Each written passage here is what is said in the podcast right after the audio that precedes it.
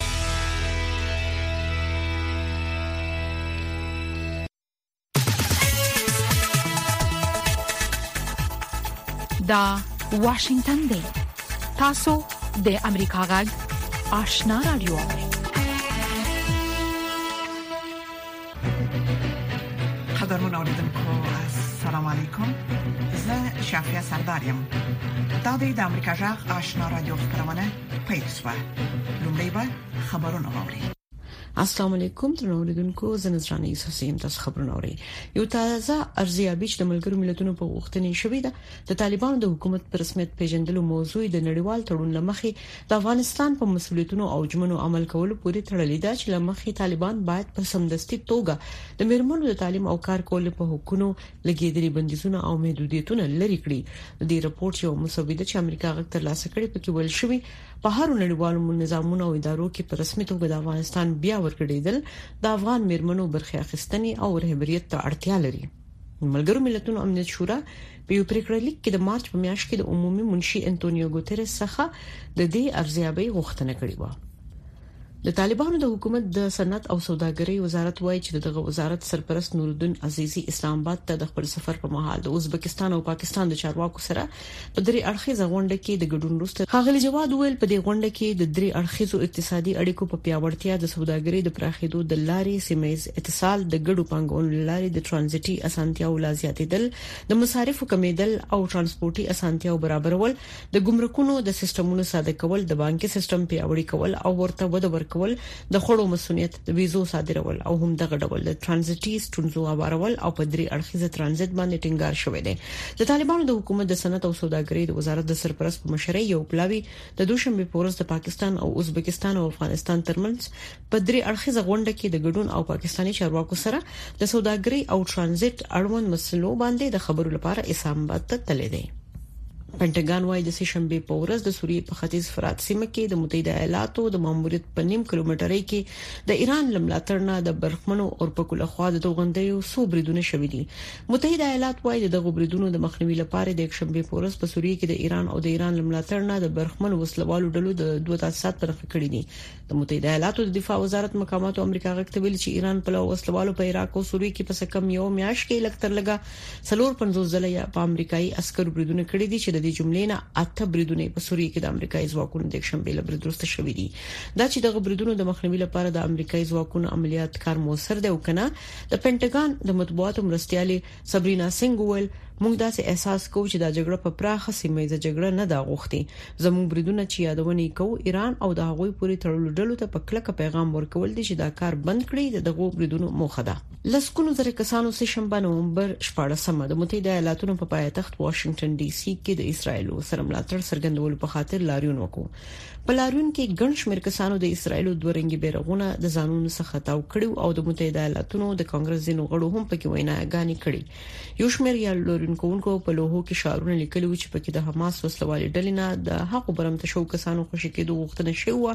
چې د ډلې د اکتوبر ومه بریدونو کې د ځان سره وړو د یو برمته شوی مور چې په دې لاریون کې برخه اخیستې و ویل چې د ګڼ شمېر خلکو د کورنۍ زړونه زوریدل دي لسکونو زرو کسانو د متحده ایالاتو په پایتخت واشنگټن ډي سي کې د اسرایل سره ملاتړ څرګندولو په خاطر لاریون وکړ په لاریون کې ګڼ شمېر کسانو د اسرایل دوه رنګي بیرغونه د ځانونو څخه تاو کړي او د متحده ایالاتو د کانګرس ځینو غړو هم پکې ویناګانې وکړلې یو شمېر لاریون کوونکو په لوهو کې شعارونه لیکلي چې پکې د حماس وسلوالې ډلې له د هغه برمته شو کسانو خوشی کېدو غوښتنه شوې و چې د ډلې د اکتوبر ومه بریدونه کې ځان سره وړي یو برمته شوې مور چې په دې لاریون کې برخه اخیسته او ویل چې د ګڼ شمېر خلکو د کورنۍ زړونه زوریدلې دي د مظاهره ته د اسرایل لپاره لاریون نوم ورکړل شو د يهودانو ضد کړنو سره د مبارزې کولو او د حماس ټری لخوا د برمته شو کسانو خوشی کېدو غوښتنه پکې وشوه د هند تر ولکې لاندې کشمیر په وی غرنۍ سیمه کې یو مسافر وړونکي بس له سړک نه یوې جوړې کندې ته غورځېدو او لږ تر لږه 13 کسان پکې مړ شوې دي پیښه د چهارشنبه په ورځ نومبر 15مه د پایتخت سرینګر جنوب ختیځ په 200 کیلومترۍ کې د دودا په لری پرتې سیمه کې رامنځته شوې ده د پولیسو افسر سنیل ګپتا فرانس پرس ته ویل په دې پیښه کې 13 مسافر مړ شوي د موټر چلوونکي د بې احتیاطۍ لامل بس د سړک د څنګ له کټارو سره ټکر کړي او لغرننې سړک څخه شاوخوا 250 متره لاندې لویدل دي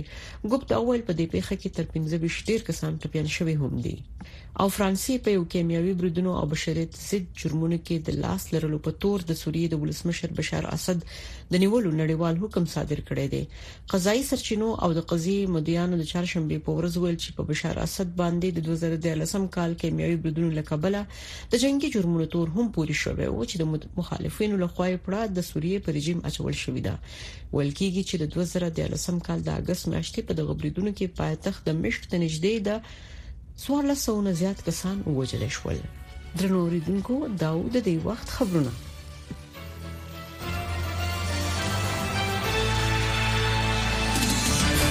خبرونه مو د امریکا جغ آشنا رادیو څخه واوریدل قدرمن اوریدونکو زموږ په دې سهارنۍ پښتو خبرونه کې د افغانستان او نړۍ د روانو حالات په اړه کې مهم مطالب او مرکې لرو هله د خبرونه تر پای ووري لومړی به دا رپورت واوري چې د طالبانو د حکومت د صنعت او سوداګرۍ وزارت وایي چې د دغه وزارت سرپرست نورالدین عزیزي اسلام آباد ته د خپل سفر په مهال د ازبکستان او پاکستان د چارواکو سره په درې اړخیزه غونډه کې د ګډون وروسته د دغه هیوادونو سره د سوداګرۍ او ترانزیت په برخه کې یو ګډ تفاهم لیک هم لاسلیک کړی دی نور تفصيل زموږ د خبريال اکرام شینواری په رپورت کې ووري د طالبانو د حکومت د صنعت او سوداګرۍ وزارت ویاند اخوندزاده عبدالسلام جواد د چهارشنبه پر ورځ په ویډیوي پیغام کې ویلي چې په دې لاسلیک شوی صنعت کې د دغو درې هیوادو ترمنځ د سوداګرۍ او ترانزیت په تړاو اړوندې مسلې شاملې دي دریم جلسه به تقویت روابط اقتصادی سه جانبه اتصال منطقی از طریق توسعه تجارت تسهیلات بیشتر ترانزیتی افزایش های مشترک کاهش هزینه‌ها تسهیلات ترانسپورتی سیستم های گمرکی تقویت و گسترش سیستم بانکی مسئولیت های غذایی صدور ویزا و همچنان رفع مشکلات ترانزیتی و تقویت ترانزیتی سه جانبه تاکید ګرځیده است. د طالبانو د حکومت د صنعت او سوداګرۍ وزارت د سرپرست په مشرۍ یو پلاوی د دوشنبې په ورځ د پاکستان او ازبکستان او افغانستان ترمنځ په درې اړخیزه غونډه کې د ګډون او پاکستاني چارواکو سره د سوداګرۍ او ترانزیت اړوند مسلو باندې د خبرو لپاره اسلام اباد ته تللی دی. په اسلام اباد کې د افغانستان سفارت چې د طالبانو لخوا اداره کیږي د ایکس په ټولنیزه شبکه کې د دې درې اړخیزې غونډې په اړه لیکلي چې په دې غونډه کې د پاکستان له اړخه د دغه هېواد د لنډمهاله حکومت د سوداګرۍ او صنعت وزیر ګوهر اعجاز او د ازبکستان د صدراعظم مرستیال جمشید خواجایو برخه لرله دغه سفارت ویلي چې په دې درې اړخیزه غونډه کې ترانس افغان د اوسپنې پټلۍ د غځولو په پروژه هم خبرې شوې په دې غونډه کې د دغه درې هېوادو ترمنځ په ترانزیټي مسلو په داسې حال کې خبرې شوې چې د یوې خوا ازبکستان د افغانستان له لارې پاکستان سره سوداګري زیاته کړې او د بلې خوا پاکستان د افغان سوداګرو په ترانزیټي مالونو بار زرګونو کانټینره د کراچۍ په بندر کې ایسار کړي دي د طالبانو د حکومت د صنعت او سوداګرۍ وزارت سرپرست نورالدین عزیزي د سې شنبې په ورځ د پاکستان د لړمحاله حکومت د بهرنی چارو وزیر جلیل عباس جلالی سره په اسلام آباد کې په کتنه کې له پاکستان څخه وغوښتل چې د کراچۍ په بندر کې د افغان سوداګرو د وارداتي توکو په زرګونو بند کانټینرونه پریږدي پاکستاني چارواکي وایي چې سوداګریز مالونه له بندرونو څخه له محصول پرته افغانستان ته ځي او بیرته پاکستان ته کاچا کیږي چې د دې لامل پاکستان په میلیونو ډالر تاوان کړی دی افغان چارواکي وایي چې پاکستان کې په کراچۍ بندر کې تر 3000 ډیر د افغان سوداګرو کانټینرونه ایثار دي او د لا زیاتو مالیاتو او محصول غوښتنه کوي چې سوداګرو ته میلیونونه ډالر زیان اړوي دی د نړیوالو اړیکو یو افغان کارپوه طارق پرهادي وایي چې ازبکستان هم د افغانستان په څیر کوچه کې راګیر هیواد دی چې هڅه کوي د افغانستان له لارې د پاکستان د کراچۍ بندر ته لنډه لار پیدا کړي ښاغلي پرهادي امریکا غږ ته ویل چې پاکستان هم د اوږدو کلونو راهیسې په دې هڅه کې دی چې د افغانستان له لارې د منځنۍ اسیا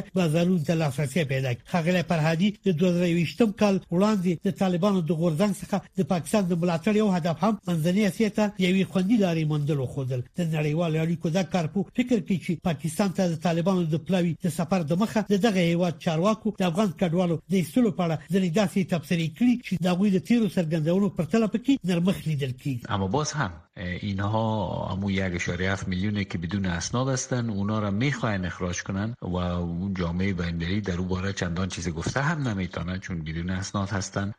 بهتر است که روابط به شکل شود که اخراج به صورت خشن نشه و, وقتی که اینا اخراج میشن مهاجرین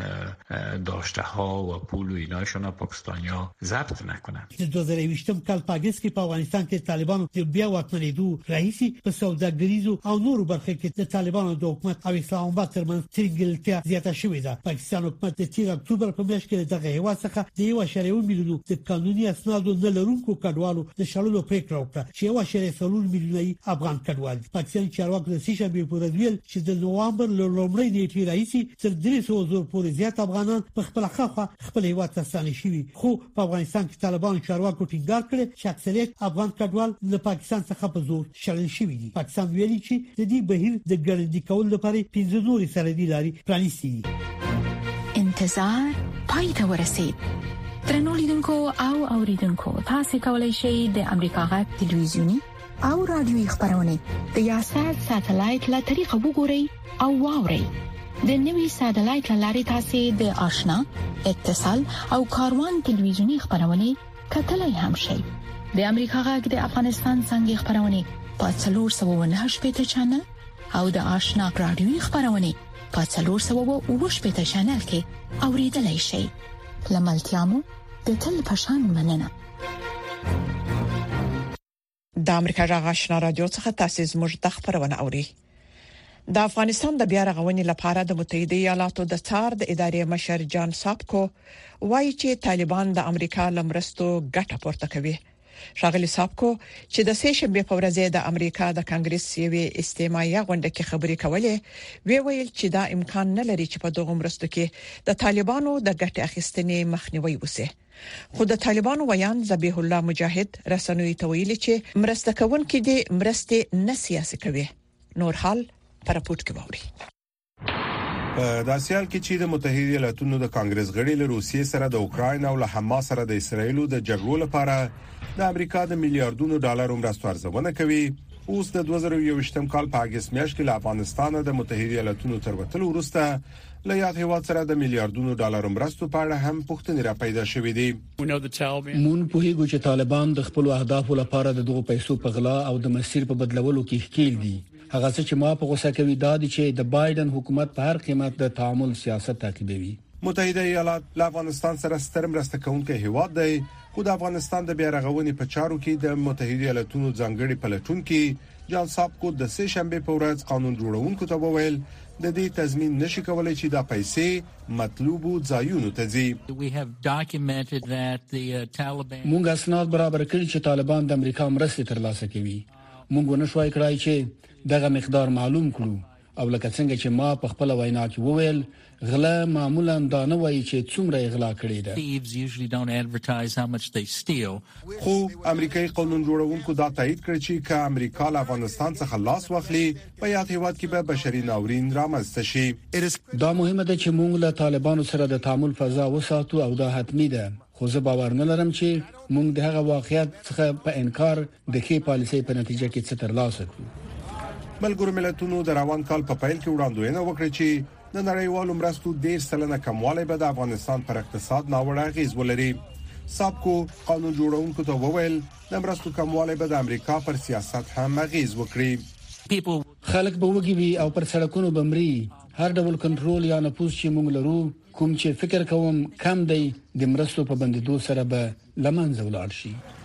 د ژغورنې نړیوال کمیټې د روانې اونۍ په پیل کې خبرداری ورکړ چې په زور د زرګونو افغان کډوالو د ایستلو په اړه به د پاکستان پریکړه چې اکثریت یې د لسیزو راهیسې په هغه هیواد کې اوسېږي کړکېچ نور هم زیات کړي هیواد د زرګونو ورتلونکو کورنۍ د جذب توان نه لري او دا به احتمالا اقتصاد ته نور هم فشار ورکړي بنا د افغانستان وضعیت به احتمالا او په مجموع کې ناوړه شي یو شمیر امریکایي قانون جوړونکي پلان لري چې پر پاکستان فشار راوړي څو خپل پریکړه بدل کړي متضاد اړخونه بیلابیل دریزونه د سپیناوي تود مخامخ بحث او په اخر کې قضاوت ستاسو پر مهمو سیاسي، امنیتي، اقتصادي او ټولنیزو مسایلو د افغانستان سیمه او نړۍ باندې د ژور چیډنیز بحث مهمه اونیزه خبرونه هایل د هرې جمعې په ورځ د افغانستان په وخت د ماخام ونیمونه تر اته بجو پورې د امریکا غږ د سټلایټ لارې په ژوندۍ بانه هایل د امریکا غږ د روانو چارو نوی ټلویزیونی خبرونه دا د امریکا جغ آشنا رادیو ده د ملګرو ملتونو د بشري مرستو د همغږي دفتر اوچا ویلي چې د پاکستان څخه افغانستان ته د ستنیدونکو افغان کډوالو په تیرو نږدې دوه میاشتو روان بهیر پاتریس کې 320 زره او 400 افغان کډوال خپل هیواد ته ستنه شوی دي د اوچا دفتر مشر دانیال اندریس په تورخم کې د بیرته ستنو سو کډوالو وضعیت د اندیشنې وړ بللی نور حال پر پورت کې ووري د ملګرو ملتونو د بشري مرستو همغږي کونکي ډانیل انډریس د ملګرو ملتونو د نورو بشري ادارو استادو د بیرته ستنو شو کډوالو د وضعیت د ارزولو په موخه په ننګرهار ولایت کې د طالب چارواکو سربېره په تورخم کې د بیرته ستنو شوو کډوالو د پندغالي د ملګرو ملتونو د کډوالو ادارې او د کډوالو لپاره د ملګرو ملتونو د عالی کمشنرۍ نه لیدنه کړې او هلته یې وضعیت د اندېښنې وړ بللی زنن دلته په تورخم کې مو د زرګونو افغانانو شاهد يم چې له پاکستان څخه افغانستان ته راستنیږي ډیری په خورا بد حالت کې دي دوی دلته د رسیدو لپاره څو ورځې انتظار باسي ما دلته د ډیرو راستنو شویو کډوالو سره خبرې کړي، ګڼ شمیر یې په افغانستان کې کور نه لري، په څو اونیو کې ژمی هم را رسیدونکی دی. د اوچا په وینا، په تیرو نږدې دوه میاشتو کې له پاکستان نه افغانستان ته درې سوه او اووه ویشت زره او څلور سوه افغان کډوال راستانه شوي. انډریس له نړیوالو د مرستې د غوښتنې ترڅنګ زیاته کړه چې دوی وار لمخه خپلې زیرمې په هرات ولایت کې په زلزلې ځپلو ویشلې دي The challenge is also that a month ago a major earthquake hit Herat یو ننګونه همدا ده چې یو میاشت وړاندې هرات یو لوی زلزلې ولرزاوه نو ټولې خیمه کمپلې او ټول هغه د مرستې توکي چې موږ په دې هیواد کې لرل هغه مو زلزلې ځپلو ته وویشل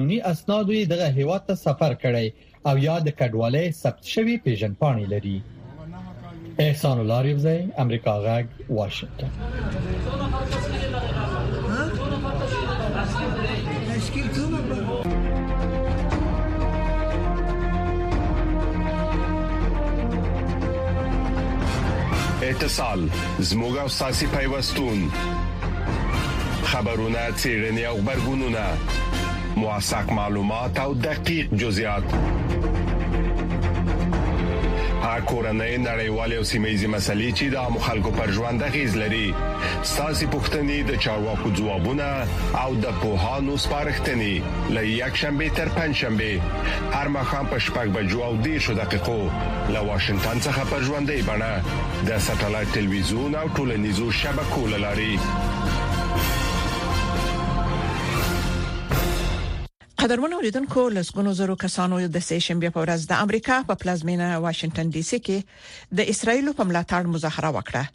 دا مظاهره د امریکایي اسرایلانو لخوا ترتیب شوې و د بل خوا یو شمېر کسانو په غزه کې د جګړې پای ته رسیدو او د حماس ډلې څخه د برمته سو کسانو د خوشی کېدو غوښتنه کوله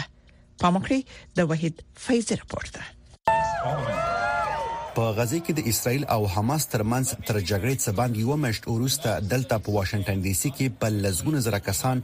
د اسرایل په ملاتړ راټول شوي وو یو شمېر مظاهره کوونکو د اسرایل په ملاتړ په لوهو شعارونه لیکلي وو او د حماس ډلې څخه د هغو 240 برمته شو کسان د خوشکېدو غوښتنه کوله چې د ډلې د اکتوبر ومه په بدون کې د ځان سره وړي دي زه دلته راغلی یم چې د خپل هیواد اسرائیل اول ته چې څه تیریږي او نملاتړ وکم موږ له خپل اسرائیلی ورونو او خويندو سره ولاړ ټول ولیدل چې حماس څه وکړل زه غواړم چې حد اقل د ملکی کسانو تلفات راکم شي د غونډې ته د متحده ایالاتو د کانګرس ځینو غړو هم ویناوي وکړې او له اسرایل څخه خپل ملاتړ څرګند کړ موږ به اجازه ورنه کړو چې تاریخ د هالوکاست ورځو په څیر تکرار شي چې یهودان به په نښه کیدل، وژل کیدل او قصابي کیدل. د سورې د ډلې تر نامه لاندې یو شمېر خلکو بیا د اسرایلی پوځ یرغلیز عملیات د پوښتنې وړ ګڼل. موږ ژر تر ژره په جګړه کې وقفې ته اړتیا لرو. موږ بشردوستانه وقفې ته اړتیا لرو. له دې مظاهري بهر د اورتودوکس يهودانو یوې ډلې په غزه کې د جګړې سره مخالفت څرګند کړ. زموږ غم له فلسطینیانو سره یو دی، موږ ورسره مینه لرو، موږ ګډ ژوند کړی او کولی شو ژوند وکړو. تر دې وړاندې زرګونه کسان د همدې روانې میاشتې په څلورمه په واشنگټن ډي سي کې د فلسطینیانو په پلوۍ مظاهره وکړه او پر ولسمشر جو بایډن د اسرایلو د ملاتړ لکبل نیوکه وکړي په ټوله کې د واشنگټن ډي سي په شمول د نړۍ په ګڼو ښارونو کې مظاهرې شوې دي او په ټوله کې خلک غواړي چې په سیمه کې امنیت قابو شي او اوربند وشي وحید فیضی د امریکا غږ رپورټونو ته دوام ورکوي د خیبر پښتونخوا د چارسدې په شب قدر سیمه کې یو افغان د میلیارډونو پاکستاني روپیو په لګښت د چپسو داسې کارخونه چلوي چې پکې د افغان کډوالو ترڅنګ پاکستاني خلکو ته هم د کار زمينه برابر کړې ده دا سوداګر اوس د کډوالو ایستلو سره خپل راتلونکي ته ډیر اندیشمن دي مسکا صافي په دې باره کې خبرې ورسره کړي. د سوپر پاور په نوم د چپسو او پاپړو هغه کارخونه چې دا مهال د لسګونو افغان او پاکستاني وګړو د عاید لویه سرچینه ګرځېدلې ده، د دوست محمد له خوا فعاله ده. دوست محمد د ننګرهار ولایت سره تړاو لري. خو پېښور ته څېرمه شب قدر کې اوسېږي او د میلیاردونو روپیو په لګښت دا کارخونه چلوي. نوموړې وايي، سره له دې چې یو پانګوال او راجستر افغان دی، خو په پاکستان کې هېڅ مصؤنیت نه لري. تقریباً دې کې موږ هغه وخت کې لږه سرمایه ګذاري کړې وه، خو بیا الحمدالله ځه خو څه روزګار دغه شي. پیسې یې را دغه کړې، څه ماته نورې را پیدا کړلې، نو تقریباً اووه اته کروړه روپۍ خپلې پردۍ لکه په دې کې موږ سرمایه ګذاري کړې ده. موږ اوس لکه روزګار کوو، خامخا لکه د افغان دلته هېڅ اهمیت، قدر نشته دی. لکه که زموږ مزدور سره هم څه مسله راشي او لکه تاڼه تحصیل ته خبره لاړه شي، نو د هغه د مزدور خبره ټیکي، خو زموږ خبرې ته څوک هېڅ اهمیت نه ورکړي. زموږ خبره دا ده چې موږ چرته د روزګار پسې موږ شي نه راوړو لکه پلاستیک راوړو د لاهور نه راوړو نو داسې مالونه په اسلام آباد ملتان موږ چرته لا شو زموږ شپې راځي چې موږ هوټل ته لاړ شو نو موږ ته په دې پیو آر کارت باندې موږ ته لکه دغه نه ملاويږي کمره نه ملاويږي سہولت راته نه ملاويږي دا څه شي دی راته ورځي دوست محمد وايي، که یو پلو د بانکي حساب نه درلودلو ستونزې دي، بل پلو په پاکستان کې بې ثباته راتلونکي اندېښمن کړي دي. تقریباً موږ دلته چې دا کوم کسان لګیا کړي دي دا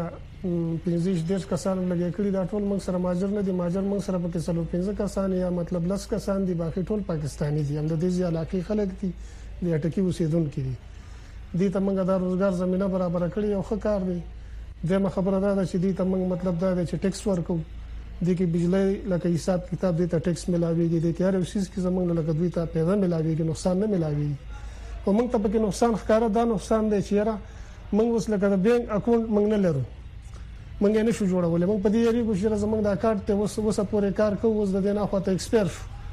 موږ داسې نه چې زمونږ دا پیسې چې کوم دی نو په بانک کې بندې پاتې شي موږ سره نورې سم مسلې ځکه زمونږ اندسه مسلې نه حل کیږي چې چرته لا شو موږ ته ډېر په کم نظر کتل کیږي په دې کارخونه کې لسګونه افغانان او ځایي اوسیدونکي په کار بوخت دي خو ویره لري که دا کارخونه بنده شي د کور اړتیاوې به څنګه پوره کړي مونږ دلته افغانانو سره کار کوو دلته کې مونږ د ډیر وخت نه کار کوو دلته کې زمونږ رزق ته لکه دا کارخانه چې بند شي مونږ بیا چرته ځو درنو اوریدونکو دا د امریکا غږ سر مقاله ده چې د امریکا د حکومت نظر څرګندوي د روسي قواو له خوا د اوکرين د ملکيانو په خلاف د افسوس وړ په دوامدارو حملو کې د ایران له خوا د برابر شوو ډرون نه کار اخلي د غیر انسان نه د وسلوالو تدارکاتو په برخه کې په مسکو باندې رڼا چوي د ایران صفای انقلاب چې په آی آر جی سي